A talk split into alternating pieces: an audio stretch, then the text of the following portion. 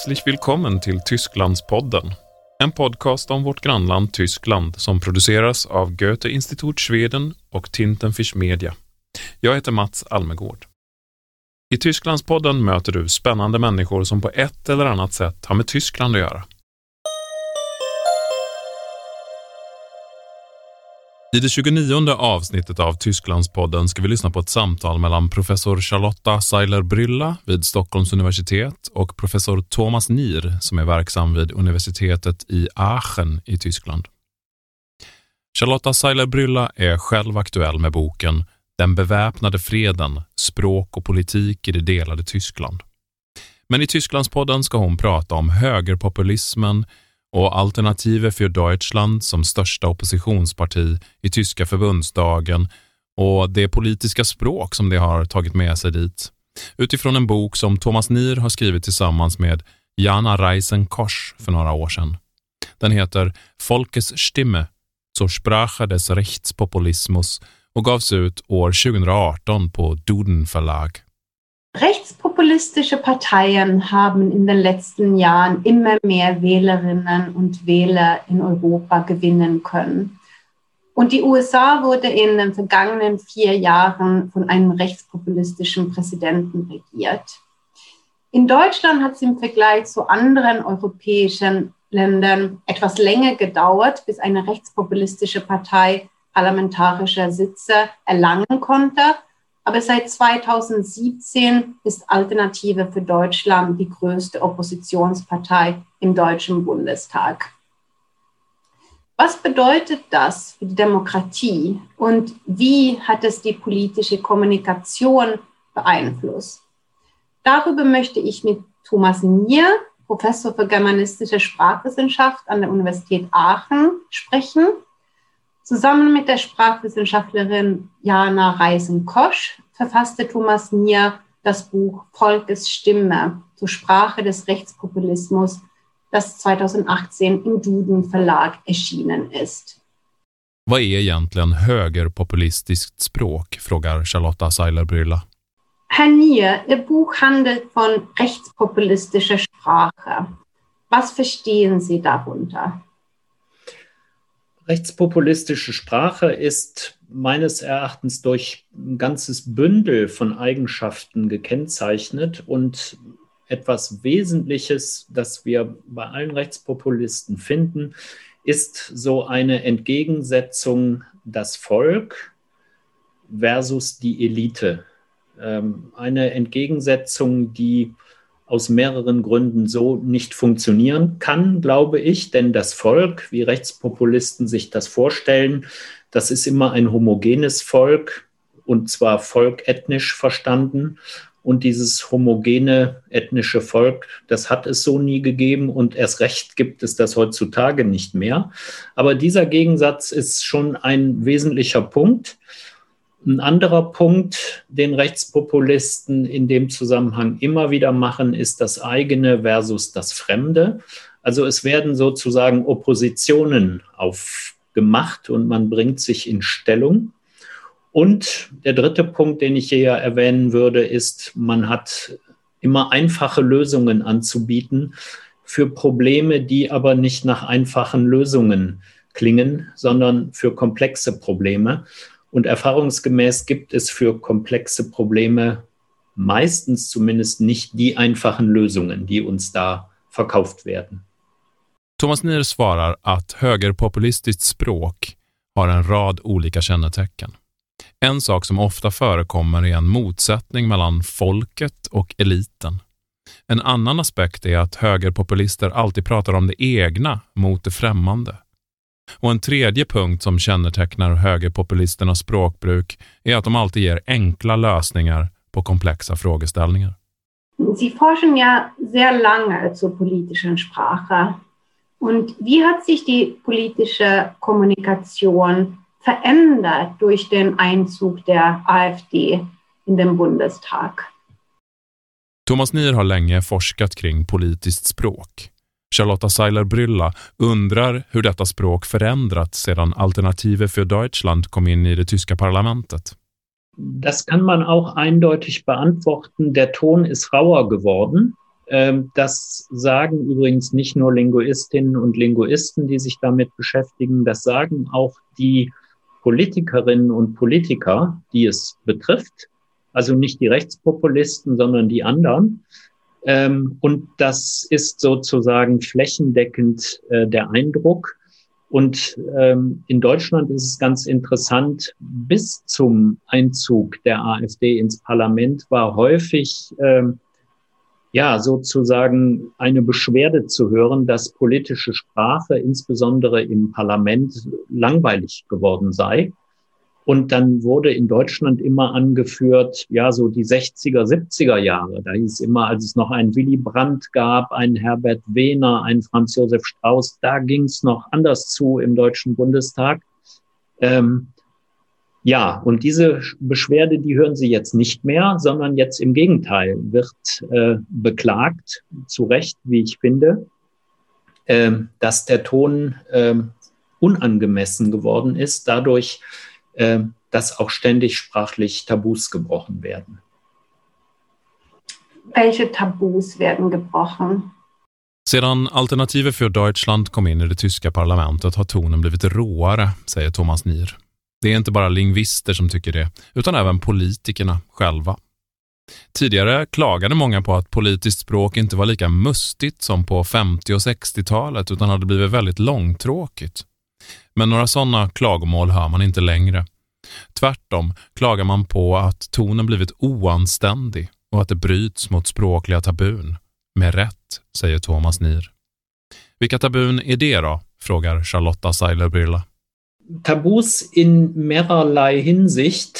Einerseits, ähm, also generell könnte man sagen, Dinge, die vor zehn Jahren als nicht sagbar galten per gesellschaftlicher Konvention, die sind jetzt sagbar geworden.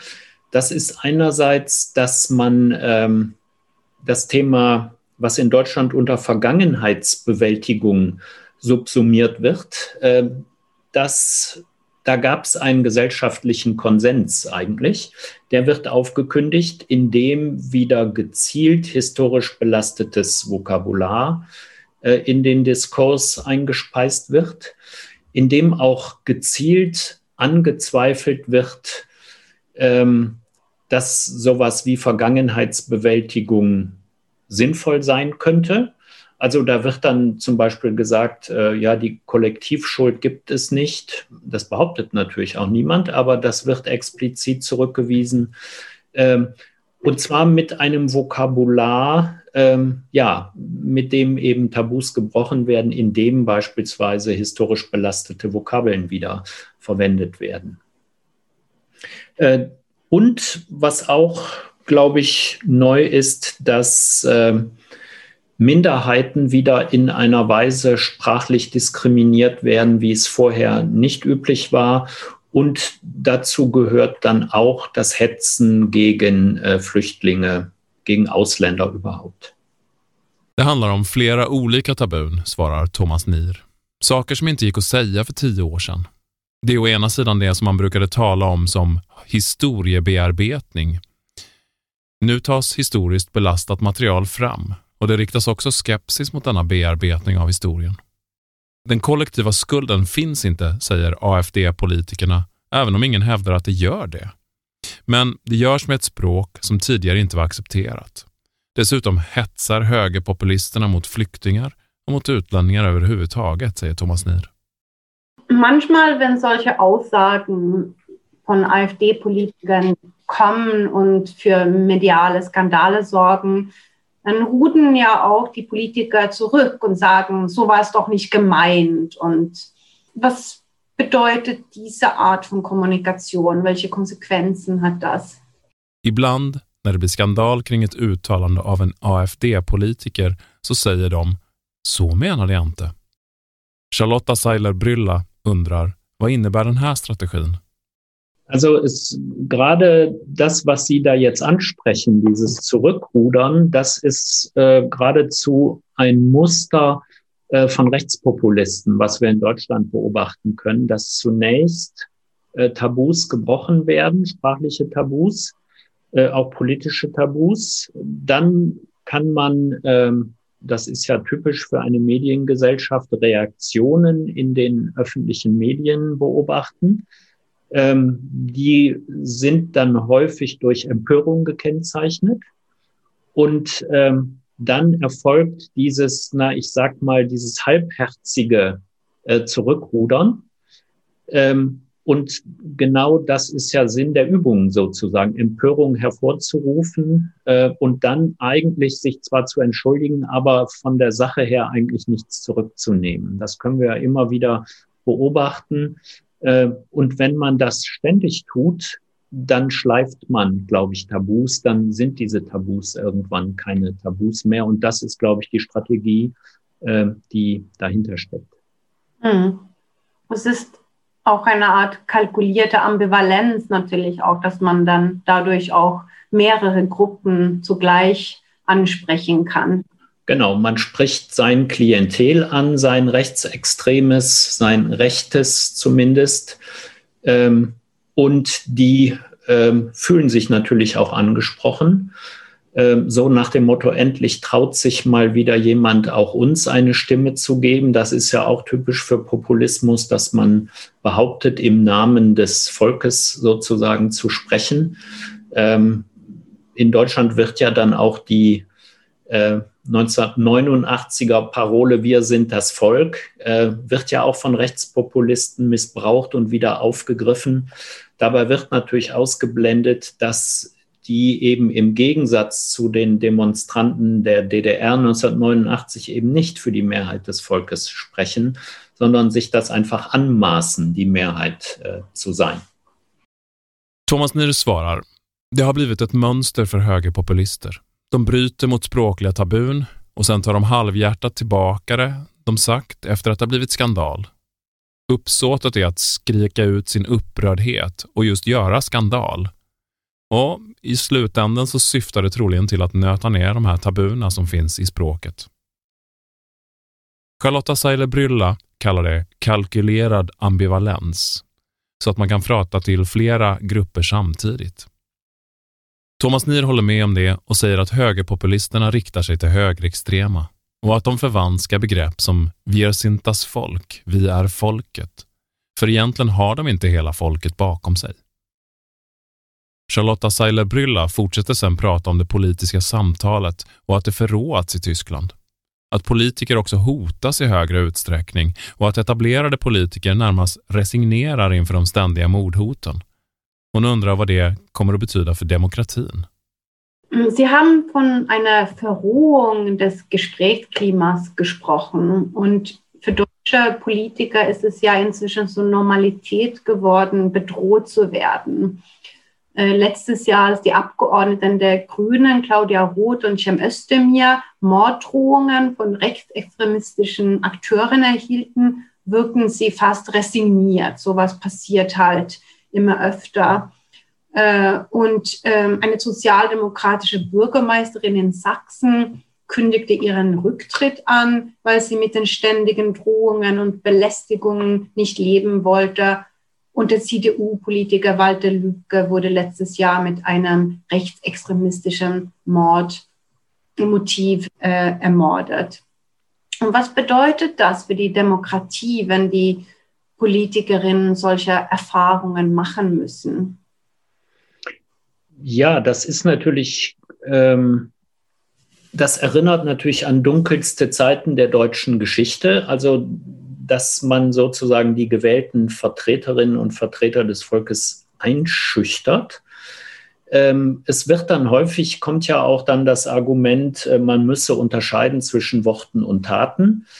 Dem würde ich auch zustimmen. Ähm, andererseits muss man natürlich auch sehen, und da sind sich Linguistinnen und Linguisten, glaube ich, einig, äh, dass man auch mit Worten handelt und dass man natürlich mit Worten auch Taten vorbereiten kann. Und den Mord an Walter Lübcke, den Sie gerade angesprochen haben, da scheint ja genau das passiert zu sein, dass äh, die Mörder radikalisiert sich haben oder radikalisiert worden sind äh, durch sprachliche Gewalt. Und man muss eben auch klar, sich klar machen, es gibt auch sowas wie sprachliche Gewalt. Und sprachliche Gewalt kann natürlich dann äh, reale Gewalt oder Gewalt, die in solchen schrecklichen Taten endet, äh, vorbereiten. Und das ist natürlich das Problem. Und deshalb äh, gehen in Deutschland PolitikerInnen, es sind ja vielfach Politikerinnen, die in einer ganz bestimmten Weise bedroht und beschimpft werden, gehen die auch dazu über, das eben nicht mehr zu ignorieren, sondern konsequent zur Anzeige zu bringen. Auch das, was da in den sozialen Medien teilweise anonym äh, kursiert, nach dem Motto, das kann man nicht äh, sozusagen einfach so hinnehmen, sondern man muss, auch wenn die Chancen vielleicht nicht so groß sind, die Täter äh, Äh, dingfest zu machen, aber man muss dem trotzdem nachgehen. Thomas Nier säger att det här påminner om de mörkaste tiderna i den tyska historien. Många säger att man ska skilja på ord och handlingar och det håller han med om.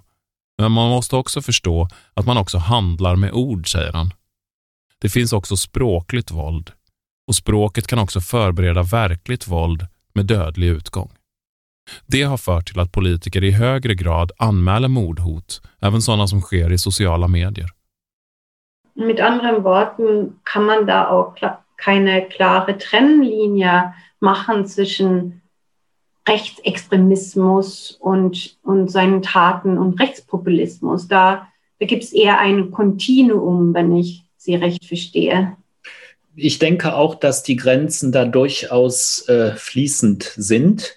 Ähm, von der Organisationsstruktur her wissen wir ja auch, dass es ähm, da teilweise merkwürdige Verbindungen gibt, etwa von AfD-Politikern in wirklich rechtsextremistische Kreise, die dann eben auch äh, entsprechend ihrer Ideologie handeln und äh, zu entsprechenden Taten aufrufen.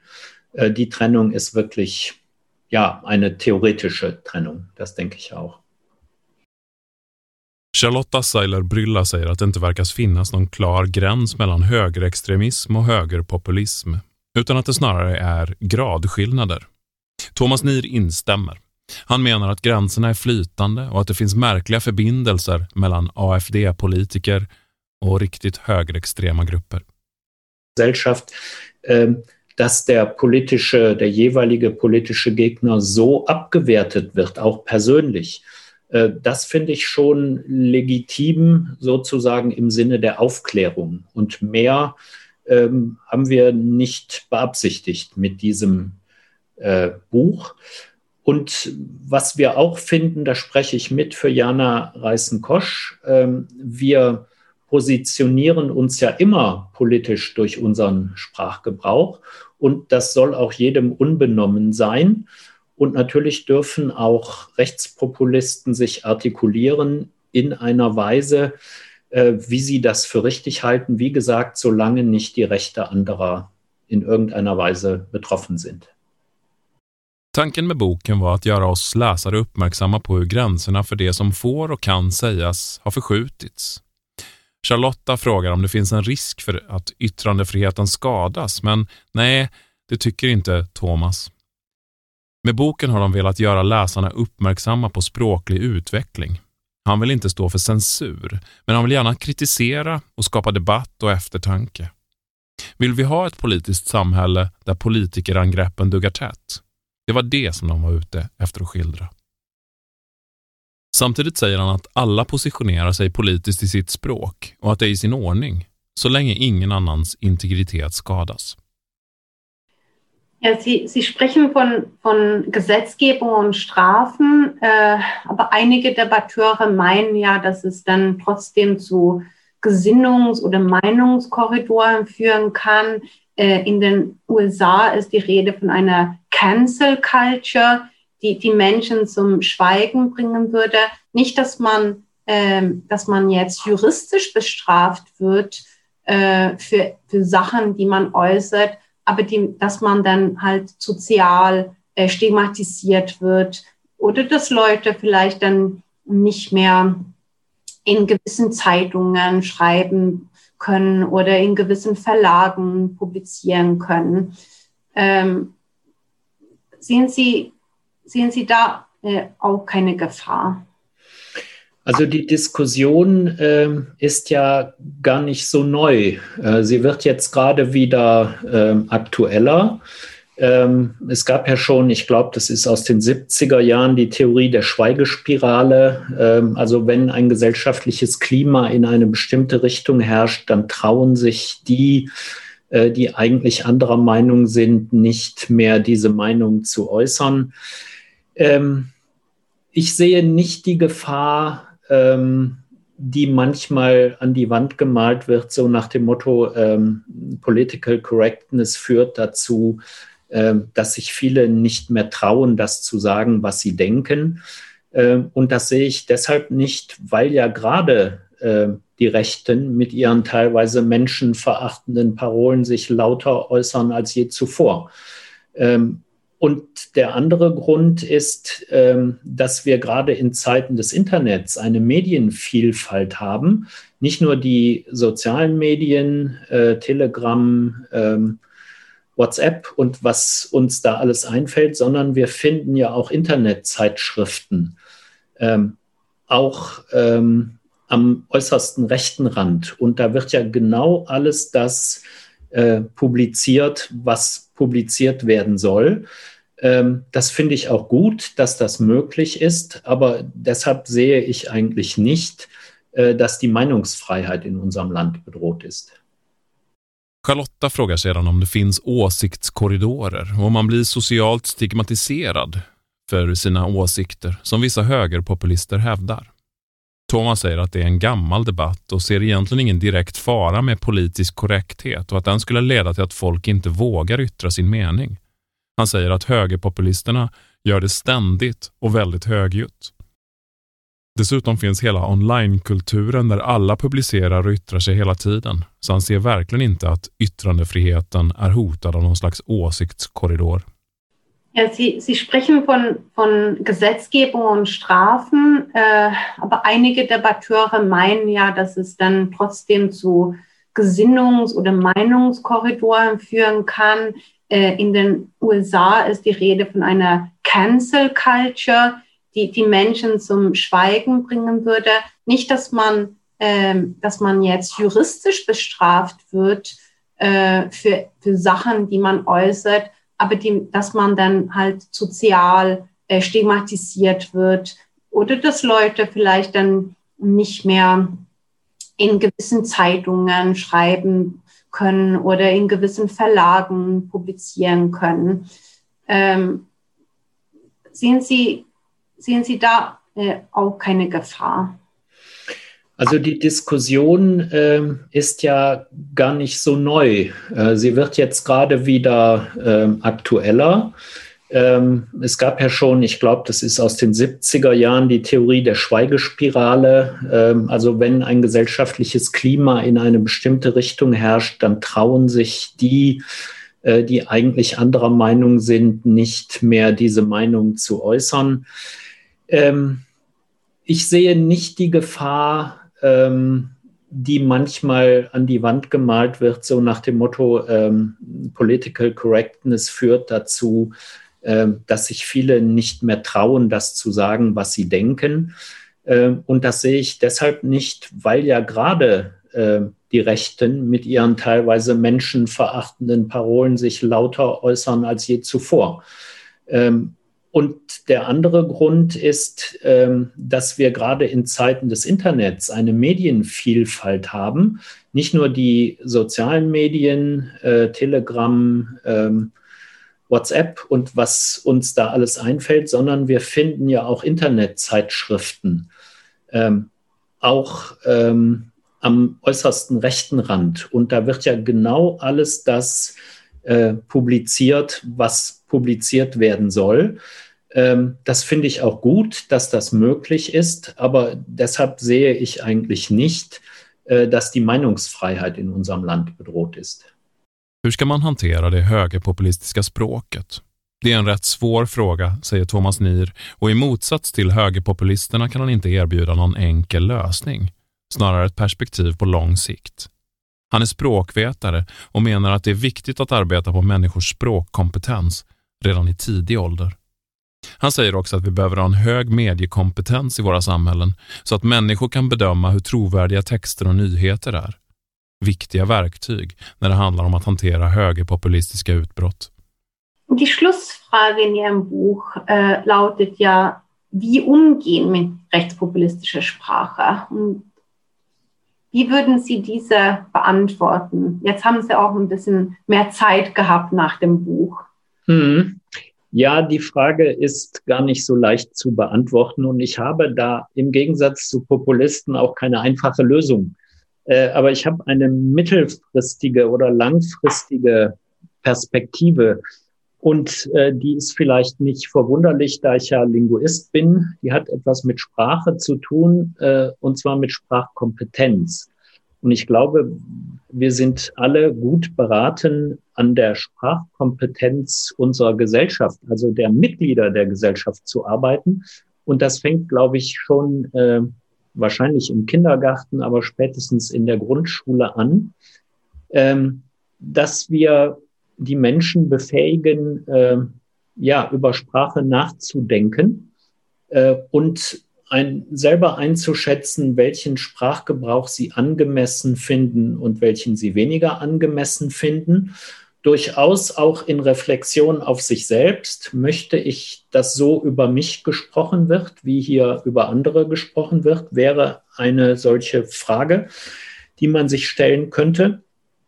Und der zweite Schlüssel ist, glaube ich, so etwas wie Medienkompetenz, dass man die Menschen auch in die Lage versetzt, ähm, die Vielzahl an Informationen, die so kursieren im Internet, ähm, also zumindest grob eine Einschätzung zu treffen auf Plausibilität ähm, und die Menschen in die Lage zu versetzen, eine Argumentation zu beurteilen, ob die halbwegs plausibel ist, ob man der folgen kann, ob das auch nur wahrscheinlich ist, was da in irgendwelchen, äh, von irgendwelchen Quellen äh, behauptet wird. Also das alles würde ich zusammenfassen unter Sprachkompetenz und Medienkompetenz. Die würde uns, glaube ich, ähm, sehr viel weiterhelfen in der Auseinandersetzung mit solchen populistischen äh, Parolenschreiern.